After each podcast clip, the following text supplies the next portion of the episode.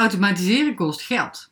Niet automatiseren kost nog veel meer. Welkom bij deze nieuwe aflevering van de Making Systems Work podcast, waarin het deze keer gaat over wat niet automatiseren kost. In de vorige aflevering deelde ik met je wat je kan automatiseren als kennisondernemer en ik weet dat voor sommige kennisondernemers automatiseren groot klinkt. Te groot misschien meer iets voor grote bedrijven, productiebedrijven. Ehm, nee, automatiseren, dat is toch niks voor mij als freelancer, kennisondernemer of VA. Ik hoor het echt vaak. Maar je hebt ongetwijfeld al een marketing funnel. Eh, als iemand je e-book aanvraagt of een andere weggever, dan krijgt hij of zij automatisch een serie e-mailtjes met een bepaald doel. En dat is in feite een vorm van automatiseren. Maar er is zoveel meer mogelijk. Echt waar. Ik zei het net al, in de vorige aflevering had ik het al over wat je allemaal kan automatiseren. En heb ik ook gedeeld dat je een videotraining kan aanvragen waarin ik je uitleg hoe je die taken nou kan automatiseren. Die videotraining kan je nog steeds aanvragen als je daar interesse in hebt. Alleen eventjes een DM sturen op Instagram of LinkedIn en ik stuur hem je toe. Geen ingewikkelde funnels hier. Misschien denk je nu wel, hmm, automatiseren, dat klinkt allemaal wel ideaal, maar is dat ook wel zo? Luister dan ook nog even naar aflevering 52. Misschien nu wel eventjes even stoppen en even luisteren. Waarin ik het heb over wat automatiseren je kan opleveren. In deze aflevering heb ik het, zoals ik al zei, meer over wat het nou kost als je niet automatiseert. Wat laat je liggen?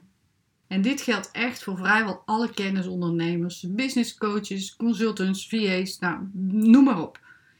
Niet automatiseren omdat je het bijvoorbeeld ingewikkeld vindt bang bent om het overzicht te verliezen, of misschien ben je wel bang om de controle kwijt te raken. Dat is zo zonde. Niet automatiseren kost je namelijk heel erg veel. Ik lig drie belangrijke dingen toe: geld, tijd en consistentie. Dat kost het als je het niet doet, dat automatiseren. Laten we beginnen bij het geld. Zeker als je gaat groeien in je business en je wilt taken uitbesteden, kost niet automatiseren geld. Het ligt natuurlijk aan wat je precies uitbesteedt, maar in veel gevallen is uitbesteden geen goedkope oplossing om taken niet meer zelf te hoeven doen. Ik ben niet tegen uitbesteden, hou me ten goede, zeer zeker niet. Maar het betekent wel dat mensen instructie en overleg nodig hebben, ze maken fouten en willen natuurlijk helemaal terecht een fatsoenlijk uurtarief ontvangen. En dat maakt een VA of een ander teamlid, of je iemand in dienst neemt, dat maakt niet uit, die bijvoorbeeld een uurtje een copy-paste acties uitvoert, enorm, enorm duur. En zeker als je bedenkt dat een computer dat geautomatiseerd kan doen voor een fractie van het bedrag.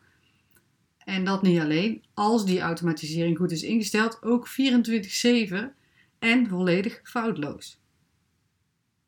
Laten we even voorrekenen.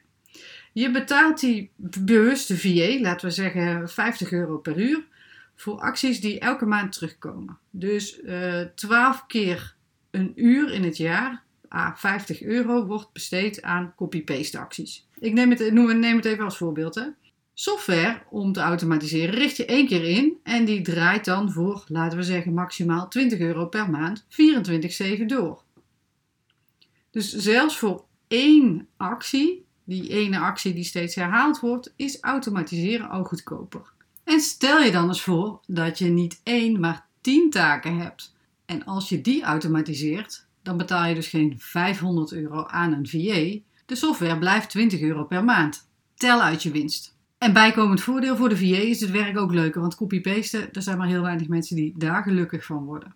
Dan, als tweede, misschien wil je wel helemaal geen team of nog geen team en doe je alles zelf in je bedrijf. Dan geldt de rekensom voor je eigen tijd in feite. Als je 1 tot 10 uur per maand kan vrijmaken voor een investering van 20 euro per maand, zou je dat dan doen? Als je nu een beetje sceptisch bent en denkt, ja, maar zo gaat het natuurlijk niet werken, dan kan ik me dat heel goed voorstellen. Maar echt, er is echt heel veel haalbaar. En wil jij weten hoe? Laat mij weten welk type bedrijf je hebt en dan stuur ik je een lijst met taken die jij gemakkelijk kan automatiseren dan kan jij berekenen hoeveel tijd je dat kan opleveren. Stuur me gewoon een privéberichtje op LinkedIn, Mirjam van der Meijden, met jouw naam voor de persoonlijke touch, je type bedrijf en je e-mailadres. En je krijgt jouw lijst van mij binnen 48 uur toegestuurd. No strings attached. Een berichtje op Instagram mag ook een DM. Dus de rekensom voor je eigen tijd is natuurlijk hetzelfde als voor de tijd van de VA. Wat er nog bij komt is als je een teamlid inhuurt en je moet die instructie geven en managen en zorgen dat de dingen geregeld worden. Dat kost natuurlijk ook tijd. Terwijl als je een automatisering inricht, kost het je eenmalig tijd en het draait. Dus niet automatiseren kost je gewoon tijd. Dan tot slot consistentie. Dat is misschien iets minder concreet, maar wel super belangrijk.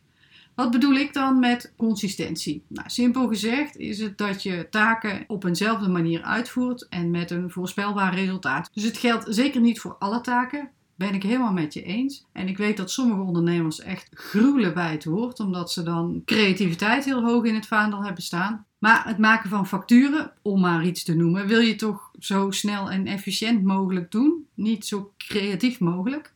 En dat kan je dus doen met een vaste manier van werken. En die vaste manier van werken, die zorgt ervoor dat je factuur klopt, dat je factuur er steeds op dezelfde manier uitziet, dat er dezelfde informatie terug te vinden is. Het is een heel klein voorbeeldje natuurlijk, maar wel heel illustratief denk ik voor het belang van consistentie. En het mooie is dat automatiseren eigenlijk als vanzelf zorgt voor consistentie. Een computer die kan namelijk niet creatief omgaan met situaties. Je creëert een automatisering en je zegt het moet tjak tjak tjak op deze manier en dan gaat het op die manier. Als we bij die facturen blijven, je uh, bouwt een automatisering voor je facturen. Alle facturen worden op dezelfde manier opgebouwd. Reminders worden naar vaste periodes verstuurd en in je boekhouding wordt de factuur steeds op dezelfde manier verwerkt. Inconsistentie levert heel veel chaos op. Consistentie creëert rust en overzicht. En nogmaals, niet bij alle zaken is dat van belang of relevant of fijn, maar bij een heleboel taken die jij graag wil uitbesteden, zeker wel. Niet automatiseren kost je dus geld, tijd en zorgt voor meer chaos. Dat is de korte conclusie, denk ik, na deze aflevering. En vond je het een waardevolle aflevering? Dan zou ik het waarderen als je een minuutje neemt om een aantal sterren achter te laten in jouw favoriete podcast-app. Dan wordt deze podcast namelijk ook gemakkelijker beter gevonden. Voor nu, dankjewel voor het luisteren en tot een volgende aflevering.